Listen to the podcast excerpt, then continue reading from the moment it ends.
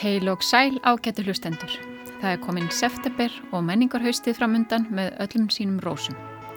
Við Halla Harðardóttir og Melgorka Ólastóttir verðum með ykkur næstu klukkustundina. Í viðsjá í dag, Íslenskar prósaflugur, ópera um vinóttu kvenna og umbreytingarafl listarinnar. Við lifum á floknum tímum. Framtíðin er óljós, það geisa farsóttir og stríð, við fáum fréttir af lofslagsbreytingum, fólksflutningum og ójöfniði. Á slíkum tímum, og kannski bara á öllum tímum, er mikilvægt að halda í vonina, bjartsínina og trúna á mannkinnið, samtalið og umbreytingarmátt listarinnar. Nokkun veginn svona er intakið í Göte Morf, menningarviðburði, fullum af síningum og málstofum sem hefjast um helgina og fara fram í Norrænahúsinu í samstarfi við Göte Institut.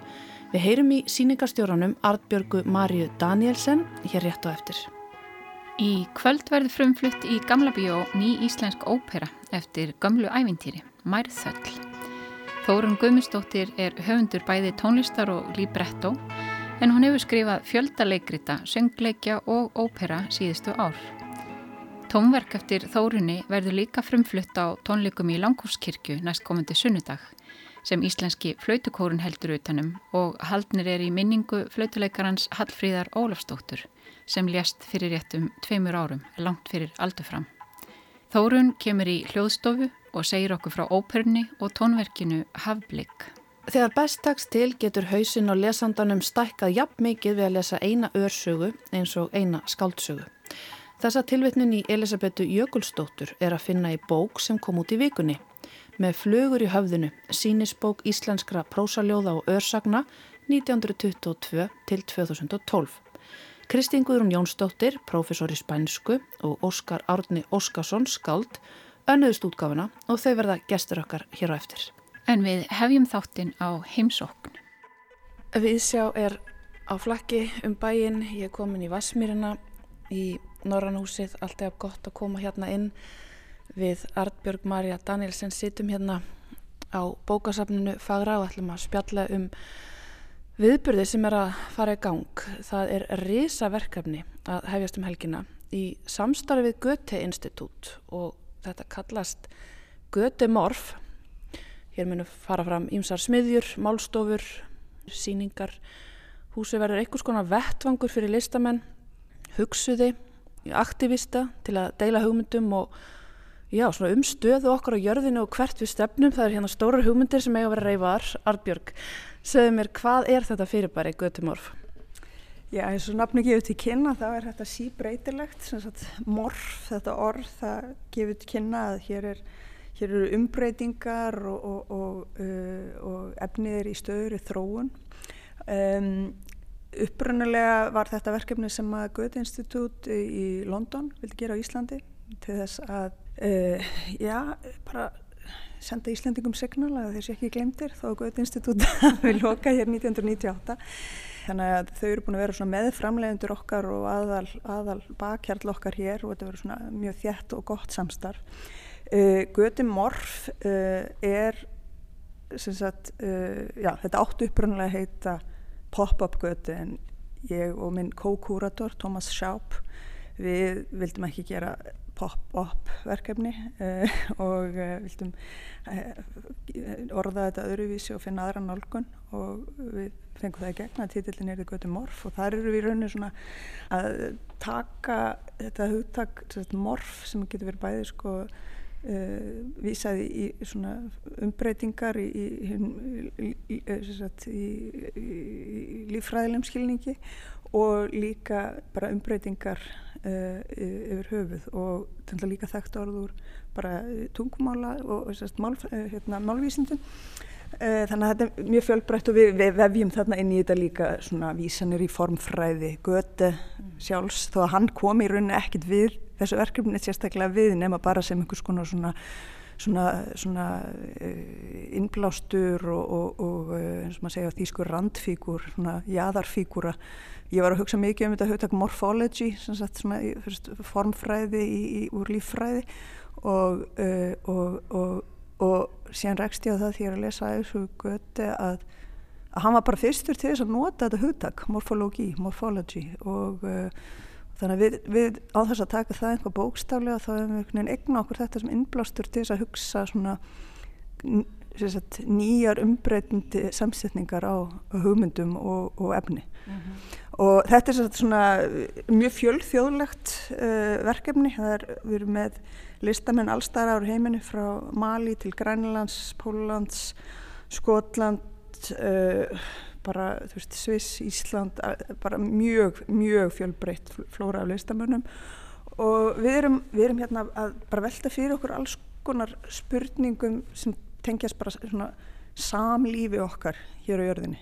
Og uh, ég finn að ég og, og, og Tómas Sjáb við, við kúratöruðum þetta saman við vorum mjög lengi að velta fyrir okkur hvað viljum við gera. Við vorum með svona gott karpláns í byrjun fyrir sko hvað vildum gera hér konsentlega og við erum búin að vinna í þessu í tvö ár og tekið marga snúninga á þessu og við alltaf koma, höfum alltaf komað tilbaka þessar spurningu þú veist hvað viljum við? Hvað, við, veist, hvað viljum við sem manneskjur og hvernig, hvernig aðferðir og hvernig hugsun er það sem að er, er umbreytandi eða er jafnvel sko hefur einhvers konar býr yfir einhvers konar von fyrir mannkinn á þessum krísutímum sem við lefum á og auðvitað þá hefur þessi hugsun líka tekið ímsum stakkarskiptum í ferlunum vegna bara heimsatburða og alltaf stilla alltaf vera bara í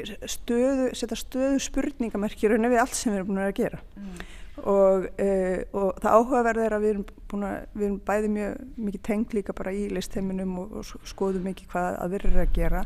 Og mér finnst það merkilegt að við byrjum að þessu ferli fyrir tveim árum og svo núna í aðdraðanda göttumár þá hefur við séð einhvern veginn að, að, að á svo mörgum hátjúðum og mörgum stórum viðbjörnum þá eru listamenn að spyrja þessar sömu spurninga. Við, við fundum svona sömu, sömu þræði og við vorum að vinna með og sem við vorum búin að vinna með í tvö árin á einu á Fenea tvíringnum og, og fullt af öðrum verkefnum mm -hmm. sem, að, sem að við svona, stundum er þess að sömu listamenn sko, án þess að vita af því mm -hmm. og mér fannst þetta í staðin fyrir að vera bara á nei, þannig er einhver að gera sama við þá er bara mest áhugavert svona margir í hennu listræna vísindarlega og hugsandi samfélagi eru í stöður í leitt og eru að, að reyna að skilja heiminn mm -hmm og, uh, og ég er náttúrulega ekki að fullera að við séum með einhverja lausnir hér. Þetta er, þetta er ég myndi segja þetta er eitt af mörgum rýmum til að hugsa. Ég ætla ekki að segja að þetta sé eitthvað eitthva einstakt og við erum að, að hérna við í, hérna í Norrnhúsinu á Sandgötinstitútum að fara að bjarga heiminum og koma með lausnir á öllum andamálum en við erum eitt af þessum mörgu rýmum og mhm. mörgu stöðum þar sem að fólk er aktíft að hugsa um hvernig við endur tengjum skor öðru líkamannum, náttúrunni og hvernig við getum með þessu kraftaverki sem er í reynu mannlega hugsun og hvað við getum gert þegar er, er beint í jákvæðan farfi, hvers við erum það megnug. Mm -hmm. Það sko, það fælst einhver uh, mikil von og svona trú á samtal í þessu múlti að segja. Það er svona þemað er how we always wanted to live ég veit ekki hvernig, have lived ég veit ekki hvernig myndur vilja því þetta yfir á íslensku þetta er ekki svona, uh, ekki neinn útópísk sín, þetta er meira svona setjumst niður, pælum í því sem er að gerast núna og einmitt horfa aftur og fram og svona trúin á umbreytingamátt listarinnar og, og samtalsins bara. Já, þetta er þetta er, þetta er, þetta er mikil svona, svona jákvæð sín í, í þessu sem er kannski einhverjum, einhverju, sko, einhverjum kontrast við, við margt í okkar önveruleika í dag. En, uh, en uh, við ákvæmum við vildum, við vildum, við vildum líta yfir líta yfir sko hvað við, sko, hver, hvað mannshugurinn og hvað okkar hugsanir eru hvers megnuðar eru það með er beint í, í ákvæðan konstruktífan uppbyggjandi farveg og um, þessi, þessi texti How you always wanted to have lived ég held að mjög margir sem heyr þetta finnst þetta hljóma svona skringilega, skringilega orðað og auðvitað er smá svona leikur í þessu að þetta er eiginlega bara bein þýðingur þýsku og þeir sem þekka þjóðverða þeir vita er þýðastundum svona yfir á ennsku bara svona beint og þá verður oft stundum svona, svona svolítið skringilegt og við vildum halda í það og líka en að leik með sko með tíman í setningunni þannig að þetta var sko uppröðanlega á þýsku við við sjón immer gelipt haben wollen. Og í þessu fælst líka svolítið að sko að við erum alltaf að við, í nútímanu það, kannski, það er stundur svona upplifun eins og við séum alltaf að uppgöta einhverja hluti upp á nýtt eins og við, eins og við séum alltaf að leita einhverju nýjum við, ef við leitum svona dýbra inn á við og aftur í fortíð og, og, og bara á þær fjölmörgur rattir sem að, e, eru stöð til staðar og hafa verið til staðar og líka hvernig samfélagi hefur skipulagt sig á mismundi tímum þá, þá, þá vitum við það að að það hefur að gera þar endalýsa tilrunir með það hvernig við getum skipilagt okkar samfélag og, mm. og það er til svo mörg mismöndi format að því og mismöndi tímabil og mismöndi nálganir að, að einhvern veginn við erum búin að prófa svo margt sem mannkyn og eiginlega vitum við hvað við þurfum að gera við eiginlega vitum einhverstaðar í okkar frumi og einhverstaðar innra með okkur hvað við þurfum að gera til að snúa, snúa við þróunni mm. og við vitum, við vitum einhverstaðar djúpt inn í okkur hvernig við viljum lifa og við höfum alltaf vitað það Við svona berum þess að likla með okkur innra Já.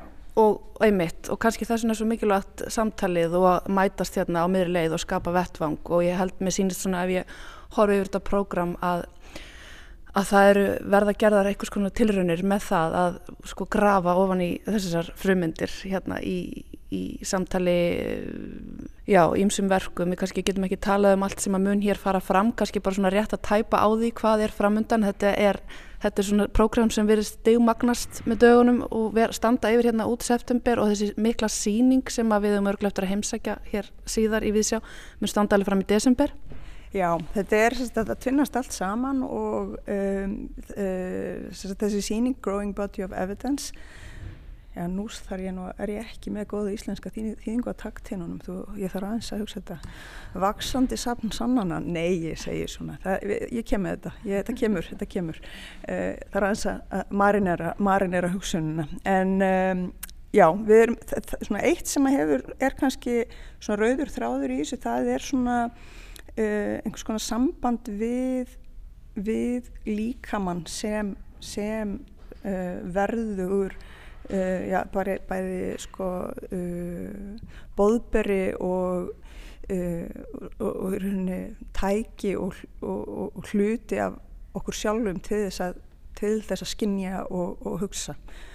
Í svona nálgunni á þessu það var, það voru svona nokkur svona andatök sem að, sem að koma inn í okkar svona eins og í dramaturgju fyrir okkar svona uh, það, okkar hugmyndir að, að þessari samsetningu uh, og það er uh, bara svona, svona, svona setningar hér og þar sem að fyllt úr gegnum þessu tvö ár að til dæmis eitt málþing sem ég var með hérna fyrir já, meirinn einu hálf ári þá var, var dansari hér sem að sagði að sagði að hérna, við þurfum að hætta að reyða okkur svona mikið að heilan, heilin er búin að koma okkur í svona mikil vandræði, við þurfum að hlusta betur og líka mann og, og mér finnst þetta bara svona áhugaður pælingi, ég vissi ekki alveg hvort ég var sammálinni en, en ég, það er einhvað við þetta samt sko sem að mér finnst áhugavert og, og við erum búin að fá inn mikið af fólki sem er að vinna út frá líkamannum Tómas Sjápko, kóratorinn minn, hann er dansdramaturg og, og, og við bæði höfum mikið áhuga á hennu líkamlega og, og hvernig, hvernig það getur verið líka stert tjáningaform fyrir mjög vitrannar pælingar. Og uh, þannig að mikið af prógramni er, er með áherslu á í rauninni dans eða reyfingu eða líkamann.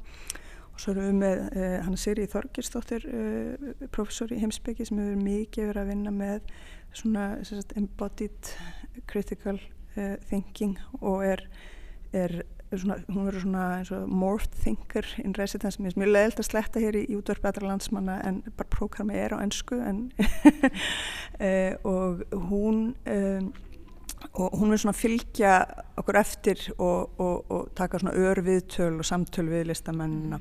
Uh, sagt, í síningunni Growing Body of Evidence þar er líka þar eru sagt, þrjá listakonur að vinna með bæði líkams ímynd og sjálfið og í raun að varpa fram pælingum um, um framtíð mannkinn sem einhvers konar já, hvað vil segja að, að, að, sko, að minning mannkynns getur verið varveitt í já, einhvers konar vöðva minni mm. einhvers konar tilfinningalu minni og það er, við erum með verkbæði eftir Aneta Grisíkovsku eh, pólsk listakonna eh, ótrúlega áhugaverð. Hún er að vinna aðalega með svona, hún notar sjálfsmyndaformið til þess að svona, til þess að svona í rauninni fjarlæga sig frá líkamannum sínum. Hún er með svona, búin að gera líkan af eigin líkama sem hún vinnur með og hefur unni með í fleiri serjum og síðan förum við inn í,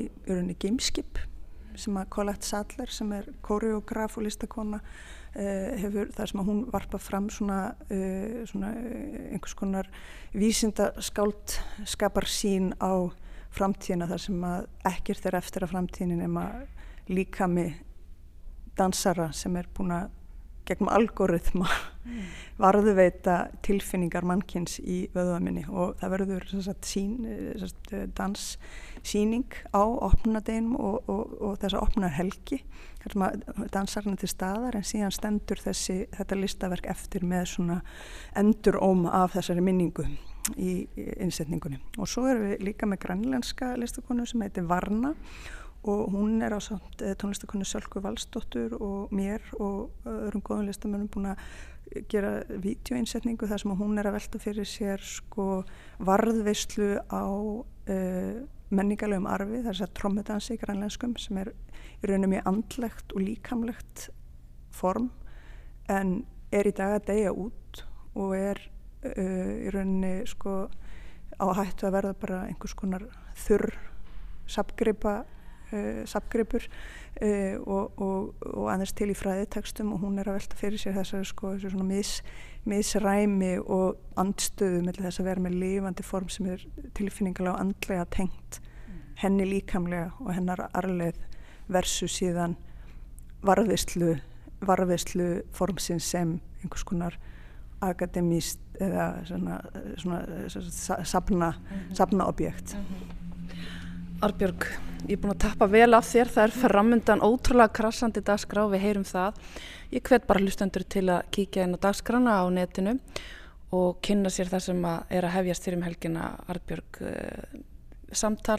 Við vitum ekki hvers niðurstaðan verður, það verður allavega eitthvað sem kemur út úr þessu áhugavert. Takk fyrir að segja okkur frá þessu og hýta upp hérna hjá okkur í viðsjá. Gangi ykkur bara vel með þetta alls saman.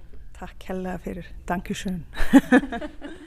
Halla ræti hér við Artbjörgu Marju Danielsen, listrænan stjórnanda í Norrannahúsinu og annan tveggja síningastjóra Göte Morf sem er samstagsverkefni Norrannahúsins og Göte Institut. Mart spennandi framöndan að sjá og heyra og upplifa í Norrannahúsinu. Já, en þá að ævintýra óperu fyrir alla aldurshópa.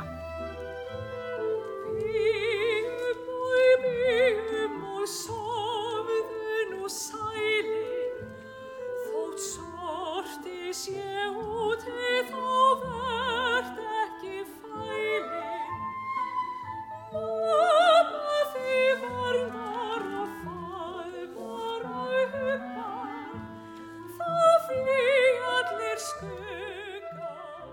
sest hjá mér Þórun Guðmundsdóttir tónskált. Í kvöld verður frumflutt óperan Mærþöll í Gamla bíó. Velkomin. Takk fyrir. Þetta er gamalt íslenskt ævintýri, Mærþöll, er það ekki rétt? Jú, þetta er ævintýri sem ég fann í þjóðsum Jóns Árnánssonar fyrir þó nokkru síðan og mér finnst þetta svo áhugavert ævintýri. Það verða fást við alls konar hluti eins og græðki og, og yfirnáttúrulega hluti og og jáfnveil kúun en samt er í rauninni mikil gleði og, og gamansemi í grunninn mm -hmm. þannig að mér fannst þetta bjóð upp á svo mikið af leikrænum tilþrefum og náttúrulega líka dramatískum uh, svona stundum sem kalla á tónlist mm -hmm. Ég rendi yfir þetta ævintýri í morgun og hjóðu eftir því að þetta hefur mikið að gera með svona vínáttu kvenna Já, nákvæmlega mm. og það er líka það sem ég svona kvekti á. Það er þannig bæði í leikritum og óperum í gegnum tíðina að uh, karl hlutverk eru gerðan miklu fleiri sem er kannski ekki óðurlegt vegna þess að í gegnum tíðina þá hafa kallmenn verið meiri svona gerendur ef við setjum það innan gæsaleppa mm -hmm. í þjóðfélögum og fá að ráða meiru og náttúrulega fleiri kallmenn sem hafa skrifað í gegnum tíðina. Mm -hmm. Þannig að mér fannst mjög svona freistandi að, að nota þetta tækifæri og skrifa fyrir fleiri konur og sína hvað þær geta líka verið með beinin efinu og haft áhrif. Akkurat. Það er miklar örlega dísir í þessari sögu, þessari óperu. Já, algjörlega. Mm -hmm. Bæði til góðs og íls. Já. Og eins og þú segir, viðnátta sem er náttúrulega eitt af því dýrmætasta sem við eigum, það, hún kemur mjög skýrt fram þarna. Er það það sem heitlaði við svona, þessi ævindir, þessi klassísku gildi? Já, bæði þessi klassísku gildi og, og þessi minni sem við könnumstu öll við og það er langa oftast eitthvað svona bara á góðs og íls og sem betur fer í æfintýrunum þó það hangi ofta á bláð þræði þá, þá sigrar þið góða Já. og viljum við ekki trúa því? Jú.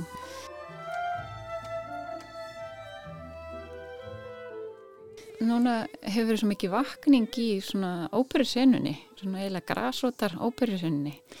Já, það er mjög gaman að fylgjast með því, bæði mjög margir uh, söngara sem taka sér saman og setja upp verk uh, og líka er bara verið að skrifa svo mikið af nýjum íslenskum óperum og sem betur fer þá hafa þær margar fengið að rata á svið, gerðan einmitt í gegnum græsrótina mm -hmm.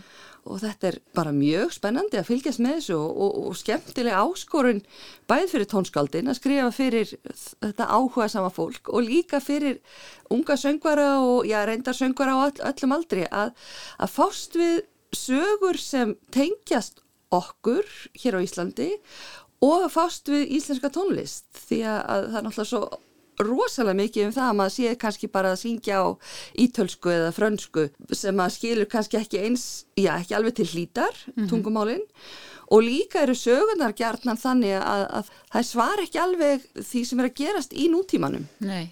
En þó þetta sé gammalt íslenskt ævindri því finnst það samt eiga við samtíman, við getum sótt eitthvað í það. Algjörlega mm. og við notum það svolítið í þessari uppfærslu að við látum þetta ekki gerast á neinum ákveðin tíma, okay. heldur svona vísum fram og tilbaka í tímanum. En það eru þessu þemu, það er, er vináttan og, og það er uh, í rauninni kannski svolítið kúin hvenna og, og uppreist þeirra sem er gaman að, að skoða þó að það sé þetta aldagamla ævintýri. Mm -hmm og ýmsir þættir sem kannski einmitt eiga við á Íslandi og, og við getum speklað okkur í. Mm -hmm. En þetta er ekki þín fyrsta ópera, þú hefur verið að skrifa óperur í mörg ár og hefur skrifað leikrill líka Hvernig byrjaði þér að skrifa? Þú lærði söng og lærði að flautu líka? Já, mína rætur líka í rauninni í, í flautinni og svo fór ég að læra söng og, og sennilega var það það að geta unnið bæði með texta og tónlist um leið sem kallaði á mig þannig að ég á endanum valdi söngin fram með flautina en ég fór í rauninni ekkert að skrifa fyrir en bara um færtugt ég er mjög seint þróska við getum sagt sem svo í þessu tilliti. Og það var nú að því að ég gekk í leikfélag sem heitir Hugleikur. Mm -hmm. og þar er stefna að það eru engungu sett upp verk eftir félagsmenn Þannig að þegar ég var búin að vera þar í eitt, tvei ár og, og, og fór að líti kringum með allt þetta frjóa fólk og þá var það svo mikil kvartning að bara setjast neður og hugsa, skildi ég geta skrifað eitthvað? Þannig að ég byrjaði að skrifa fyrst um, leikteksta og fljótlega fór ég svo að, að flétta tónlistirinn sama við það. Það er kannski ekki mjög algengt að sama manneskjan skrifi bæði líbrettóið og tónlistina eða hvað? Nei, það er algengar að það séu tvær aðskildar personur mm -hmm. en svo við nefnum nú tvo góða menn, þá nú hægt að nefna Wagner og Jón Áskísson sem hafa báðir hérna, skrifað bæði texta og, og tónlist mm -hmm. En þetta er ekki frumflutningur á marðfell eða hvað? Nei, þetta er frumflutningur í þessari mynd Já. hún hefur tekið tölvurum breytingum frá því að uh, hún var fyrst flutt og þetta er í rauninni fyrsta óperan sem ég skrifa ég hafi mm. skrifað söngleik áður sem heitir Kolrasa fyrir hugleik en svo þegar ég var komin á kafi kjensluna þegar ég er söngkennari þá áttaði ég mig á því að það var í rauninni skortur á verðugum verkefni fyrir nefnendur sem kölluðu á svona áskorun í bæði leik og söng en voru samt ekki á þeim staða að þurfa að syngja verdiarjur eða eitthvað svo leiðis. Mm -hmm. Þannig að ég hugsaði með mér að það væri alveg þessi virði að prófa að reyna að skrifa eitthvað við hæfi nefnenda.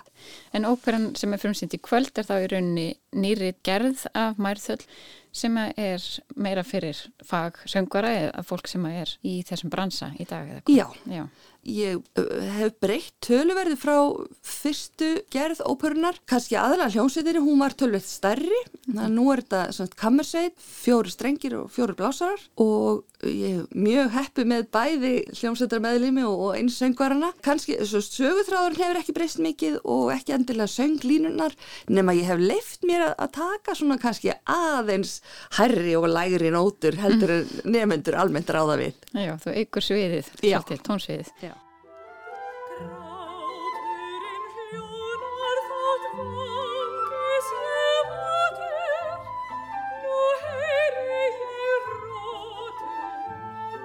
En hverju eru í aðalutverkum í óperunni? Ég, það er einmitt spurning hvað er aðalutverk í þessu, því, eins og ég sagði áðan þá er þetta svona nokkuð jafngild mm -hmm.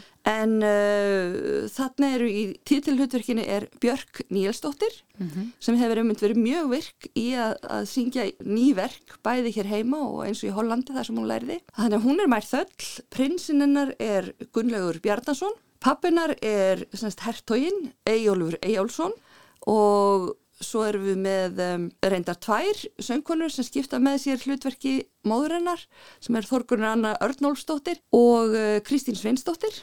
Og svo erum við með mikla reynslubólta þarna eins og Hönnudóru Sturldóttur og uh, Bjarnatór sem leikstýri líka Já. sem er tölverð áskorun en, en mjög gaman að fylgjast með honum svona stökka á reynu hlutverki í annað og, og jafnvel farað að leikstýra sjálfur sér.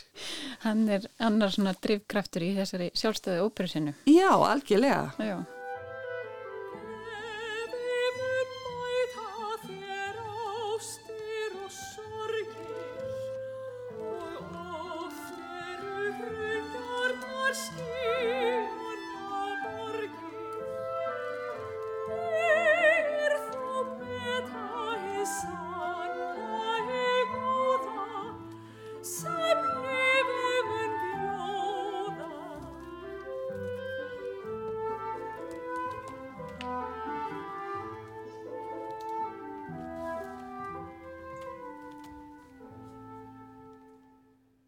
Þú Þórun sem tónskáld, þetta eru stóri dagar framöndana því að það er líka verið að frumflytja verk eftir því á sunnudæginasta. Já, það er oft sem það svona, kemur svona í einhverjum bylgjum hérna hjá manni mm -hmm. og fyrir algjörða tilvíðin þá er verið að flytja verk eftir mig sem er skrifað fyrir flautu kór og ég hef ekki skrifað mörg verk fyrir hljóðfæri án þess að söngur sé eitthvað staðar í teimslega við það. Þannig að ég var pínulítið rög við að taka að mér þetta verkefni en mér þótti það bæði mikill heiður að vera beðinum að skrifa þetta verk og mér rann í rauninni blóðu til skildunar mm -hmm. vegna þess að þetta er skrifað til minningar um Hallfríði Ólafsdóttur, flautuleikara og mikla vinkonu mína. Heimitt, það verða minningar tónleikar um Hallfríði á sunnudaginn í Langholskirkju. Já. Og þar verður þinn frumflutningur og líka frumflutningur eftir Pál Ragnar og Ími Sannurfalleg flautu tónlist í hennar minningu. Mm -hmm. hún lest fyrir tveimur árun síðan. Getur þú sagt okkur aðeins svona hvað þú varst að hugsa þegar þú skrifar þetta verk? Það heitir Hafblík. Það heitir Hafblík mm. og ég, þegar ég hugsa um Hafi þá náttúrulega er svo margt sem kemur upp í hugan Það er þessi einlega vináta og tröstið og hvað hún brann mikið fyrir uh, tónlistinni og hún talaði oft um að tónlistin væri reyni heilög fyrir henni og líka fannst þeirri mjög mikilvægt að reyna að uh, hefða til barna í gegnum tónlistina. Við náttúrulega þekkjum öll Maximus mm -hmm. uh, sem hún skrifaði.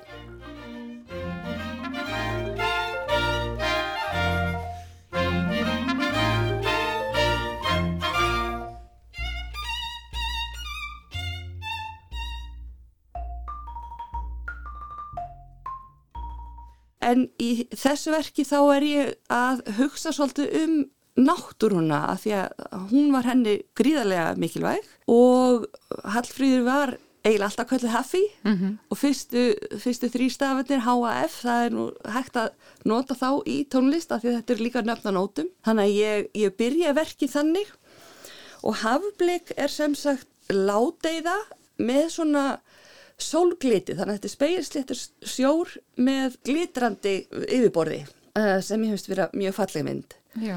Svo þetta er svona fjóru stutti kaplar og annar kaplinn heitir Skvettur og er svona gletnari og hún átti bæði til mikinn húmor og stundum bílilega stríðni líka mm. sem var oft mjög gaman og þriði þátturinn heitir Flæðarmál og síðasti þátturinn er Strömmót sem getur rauninni þýtt tvenn, það er þegar svona tveir ströymar mætast og saminast og svo er þetta líka í rauninni akkurat svo stund þegar flóð breytist í fjöru mm. og öfugt. Þannig að það eru svona þessi skil. Já, þetta eru fallega myndir sem að mér finnst hljóma mjög viðeigandi fyrir hana Hallfríði. Við ætlum að líða í lok þessa viðtals á smá Mozart sem að Hallfríður spilaði með kamerastika, kamerhópnum sínum. Takk innilega fyrir komin að Þórun Guðmstóttir og til mikið með þessi stóru verkefni. Takk fyrir.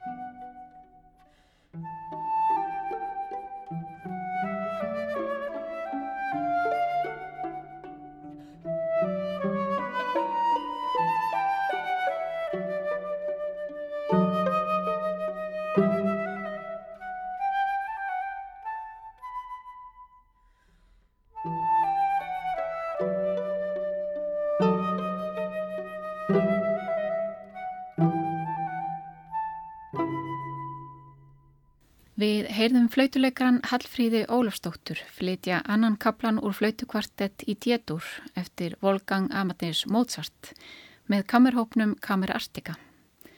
Hallfríður var fyrsti flautuleikari Sinfoniljósittar Íslands í áratugi og er höfundur æfintranna um Maximus Musicus. Hún lést langt fyrir aldur fram fyrir réttum tveimur árum síðan og nú á sunnudag stendur flautukór Íslands fyrir tónleikum í Langkólskirkju til minningar um hana. Og úr þessari fallegu músik förum við yfir í prósaljóð og örsögur. Þegar best tekst til getur hausin á lesandanum stækkað jafn mikið við að lesa eina örsögu eins og eina skaldsögu. Þessa tilvitnun í Elisabetu Jökulsdóttur er að finna í bók sem að koma út í vikunni. Með flugur í höfðinu sínis bók íslenskra prósaljóða og örsagna 1922 til 2012. Sabritið er yfirlit um íslensk prósaljóð og örsögur eftir tugiskalda sem hafa fengist við þessi heitlandi en vandmeðförnu bókmyndaform. Kristín Guðrún Jónsdóttir, professor í spænsku og Óskar Árni Óskarsson, skald, hafa undan farin ár tekið efnið saman og þau ákveða hefja söguna árið 1922 þegar flugur eftir Jón Tóratsen kom út. En flugur er fyrsta útgefna rítið á Íslandi sem geymir engöngu prósaljóð. Við skulum heyra eitt verk úr flugum áður með bjóðum þau Kristínu Guðrunu og Óskar Arna velkomin. Hatturinn Ég fyldi stúlkunni heim og hún bjó bakdýra megin. Annað meira eða merkilegra var það nú ekki. Verið er sælir og þakkiður kærlega fyrir fyldina, sagði hún. Sælar, sagði ég. Hatturinn yðar. Hann hefur gott að því, sagði ég og hjælta áfram að hvaðja stúlkuna. Kristín Guðrún Jónsdóttir og Óskar Átni Óskarsson verið velkomin í Vísjá. Takk, Takk fyrir. Takk. Kristín, þú segir frá því yngangið þessar bókar að það megi rekja kannski uppafið uh, til kynna þinn af örsugum kynverskum. Já. En á spáni? Já, það var nú þannig að Ég hef sennilega bara alveg ómeðvitað verið laðast að svona stuttum textum og þegar ég var við nám á Spáni sent á 8. áratögnum þá rækst ég á litla kynverska bók, eða litla bók, já, með mjög stuttum sögum, þýttar og spænsku og ég kefti þetta og svo bara svona smám saman með árunum þá hef ég verið að kaupa svona bækur í rauninni á þess að vita af því með svona stuttum textum. Mm -hmm og um, þegar ég var við námi í Mexiko þá kynntist ég höfundur frá Róminsku Ameríku sem að hafa margi hverji skrifað örsögur. En þar er örsagnaformi mjög vinstalt og hefur verið alveg frá miðri síðustu öld. Og ég fór að skoða þetta svona fyrir alvöru svona tölvert setna og fór svo að segja örsagna þing sem eru mjög skemmtileg. Bæði fræði, menn og höfundar líka. Það eru mjög mikið hleyið á þessum þingum að því að örsögur eru nú oft svona svona daldi tvíræðar og það var marga tilvísanir. Um, og einu örsagna þinginu að þá um, var talað um að skrásetja svona heimsvísu örsagnarskrif hvernig þetta hefur verið í mörgu löndum? Og ég var spurð, vilt ekki skrifa um þetta hvernig þetta hefur verið á Íslandi. Og ég í ræðlinn sagði, jújú, ég skal aðtúa það. Og hafði í huga að að svona verk undir heitinu Örsögur í Íslandi kemur í raun ekkit út fyrir en 1992-3 og ég mhm. held að þetta verði bara freka stutt saga. En svo þegar ég fór að skoða máli þá sá ég fljótt að ég stóð fram í fyrir svona einhverjum hérna skilgreiningavanda Já, einmitt og ég var mikið á bókasafninu á þjóðabóklunum þá hitti ég Óskar átna Já og einhverju sinni stingur hann upp á því við mig eigum við ekki bara að sapna saman á bók tekstum eftir íslenska höfunda. Óskar Átni, þetta er auðvitað form sem að þú hefur, já, það hefur fyllt þér í gegnum æfina. Já, lagt mér uh, doldið eftir þessu formi. Ekkert veginn kom snemma til mín held ég fyrst frá áhrifum uh, íslenskra höfunda, Tóru Viljámsson, maðurinn er alltaf einn, hans fyrstu bók hafði áhrif á mig og, og síðan Stefan Hörður, Dagur, Vilborg Dagbjörnsdóttir og svo framvegis. Þetta er allt höfundar sem ég las. Og mm, í, svo fór ég svona fyrir alvöru held ég að hugsa um þetta form og, og, og, og fjallar svolítið um það þegar ég og Jón Hallur Stefánsson gáum út tímariti Skí sem var lítið ljóðatímarit þar sem við byrtum eh, mikið af þýðingum með mitt eh, Kortasar, Malarmé og, og eh, Efu Lipsku pólsk skaldkona e, þar spyrtu við smáprósa eða örsögur og þetta vatt svona upp á sig og, og setna fór ég að þýða e, höfunda eins og Russell Edson og, og frá bandaríkjunum og Rúsan Dan Daniel Karms sem báðir skrifa örsögur eða prósaljóð eða smáprósa. Mm -hmm. Kallast. Já, já. Kristi kann að skilgreina þetta. Áður út í þessar skilgreiningar og kannski þennan skilgreiningar vanda, hvað er það við þetta form, Óskar, eða þið bæði bara, sem að heillar, sem að grýpur? Já, það er náttúrulega, sko, þetta er svona hver góðorsaga eða prósaljóð er, er svona alveg heimur útaf fyrir sig og ef, ef skrifin hefnast vel eða sagan er góð eða ljóðið þá, þá getur þetta orðið heillandi heimur, lítill en mjög stór og hann getur haldið áfram í hugamanns e, í stræt og á gungutúrum eða, eða, eða hvar sem er. Þannig að, e, en auðvitað er þetta náskill ljóði bara og ljóðið mm -hmm. hefur þessa eiginleika að það fylgir manni mm -hmm. og, og það eru fá orð en, en þau maður í huganum þá skilgreinir maður þau og, og bætir við ljóðið og svo framvegis, svo framvegis. Einmitt, eins og þau nefnið í, í yngangi held ég þú uh, Kristín eh, að það er kannski þögnin sem að skipta mestu máli, það sem ekki er sagt. Já, það er svona hitt ósagða og íla það sem hann er að segja hann Óskarótnir mm -hmm. með þetta fylgimanni, maður kannski næri ekki alltaf eh, merkingunni, þetta eru textar sem oftast þarf að lesa oftar en einu sinni og tvísvar eins og ljóðið. Einmitt. og maður þarf að fylla í eðurnar, það eru mm, margræða tólkanir oftast. Og þetta er náttúrulega tekstar þar sem að, eða tekst vel til, það er svona, um, þetta er samþjapaði tekstar, knappir tekstar, uh, oft er íróníu, mm -hmm. húmor, beitt. Og það sem er líka skemmtilegt, það er oft vísanir, svona tilvísanir, annarkort í bókmyndaverk eða eitthvað sem að sumilesendu þekkja, kannski ekki aðrir, mm -hmm. en þetta er svona eins og Óskarurni segið, þetta er aldrei tekstar sem fylgja manni Einmitt. og þess vegna mm, er ekki það er erfitt að lesa marga svona text í einu já, já svolítið eins og, eins og ljóðið einmitt, einmitt. en uh, Kristín Guðrún uh, þessi skilgrængavandi, ef við förum aðeins í það vegna þess að þú helst þú verður að fara að takast á eitthvað mjög léttvægt verkefni en það reynist ekki verið svo Já, nei, því, þegar ég fór náttúrulega að skoða þetta og fara svona aftar í söguna þá náttúrulega sá ég að uh, sko ég gekk út frá skilgreiningu örsögunar eins og hún er í spænskumældi heimi. Hún er náttúrulega ekkert stöðluð samt af því að örsagan er ólíkindatól, hún getur breyst í hvað sem er alveg eins og prósaljóðið.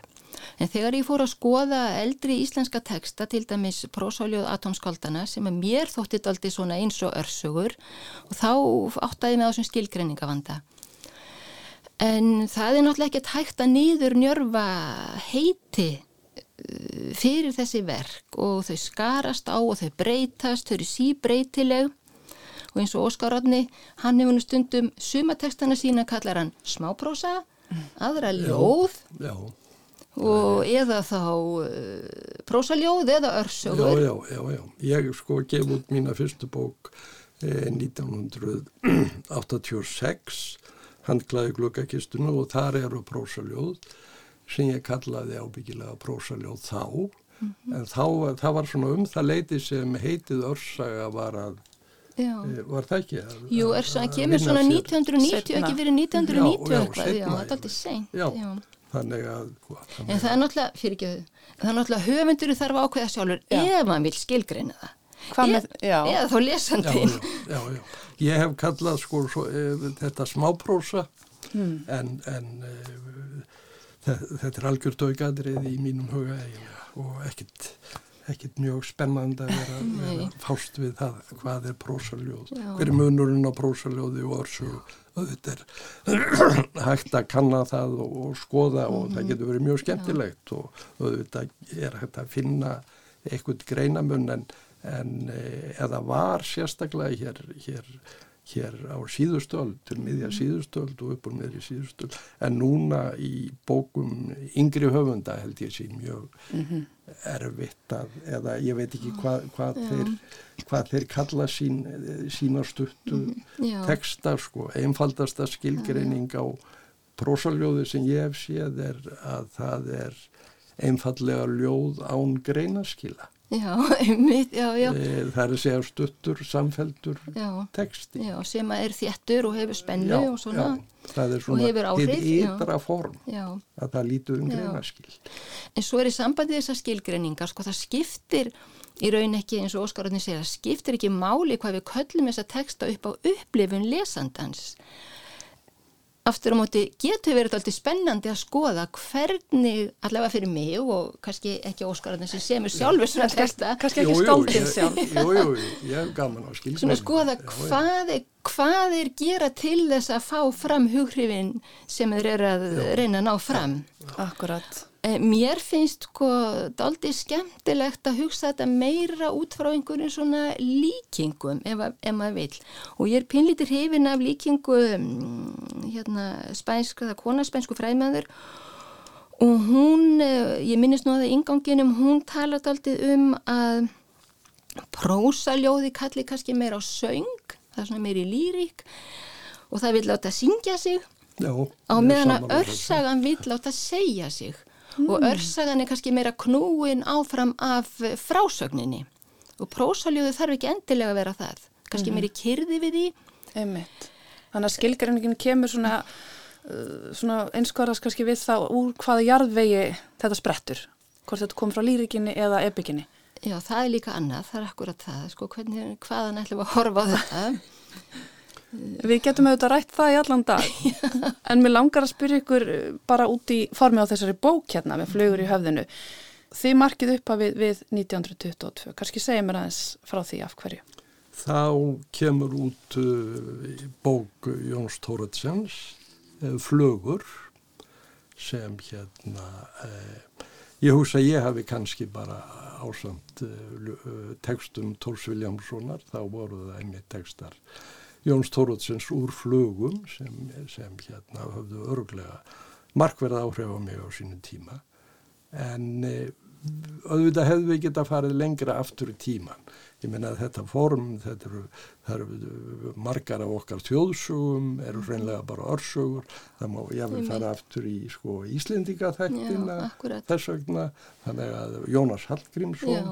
við byrjum nú reyndabókina á text eftir Jónas. Já, við setjum, við tókum uh, sko, við ákvaðum eins og Óskar segir að byrja með flugum vegna þess líka að það er svona Eh, almennt talin fyrsta bókin sem hefur engöngu að geima prósaljóð. Já, akkurat. Við ákváðum að byrja þar en svona sem vísun yfir í aftar í tíma þá eru við með mynd af sögu eftir Jónas Hallgrímsson að tekja upp á mhm. dönsku. Mm -hmm. Svona daldi tilvísin í jú það eru eldri tekstar til og þjóðsögur og alls konar eldri Já. tekstar. En það hafa, hefur mannkynnið líka alltaf verið að segja sögur og Íslendingar ekki síst. Mm -hmm. Einmitt. Og svo stiklið á stóru á þessari, á þessari aldar tímabili og það hefur ekki verið auðveltverk að velja úr öllu. Nei, það, það við fórum yfir, þetta búið að taka okkur 5-6 ár e, með löngum hljöfum, oft á tíðum og, og COVID og ymsu, en við erum nú vel í COVID reyndar. E, þannig að þetta var eitt, eh, nei, sjálfur sér ekki auðvelt að velja og við örðum að sleppa mörgum mjög góðum höfundum og, og, og góðum textum eh, einfallega af því bókinn eh, það var ekki pláss fyrir meira og, og við örðum að hætta þarna í mitt var það ekki Guðrún 2012 eða, eða ákváðum það. Við ákváðum það, við ætluðum að enda 2016 já, en við já. sáum að frá 2012 til 2016 já. þá verður sko grípur svona um sig eitthvað svona, já hvað það verður gróska í örsaknarskrifum meðal annars rítlistanemar við háskólan sem eru margir að gefa út Akkurat. við gefa út og gefa rít og þannig við settum uh, eh, 2012 sem loka ár hitt mm -hmm. verður að býða betri tíma. En það er bara flott að hafa þetta akkurat 100 ár.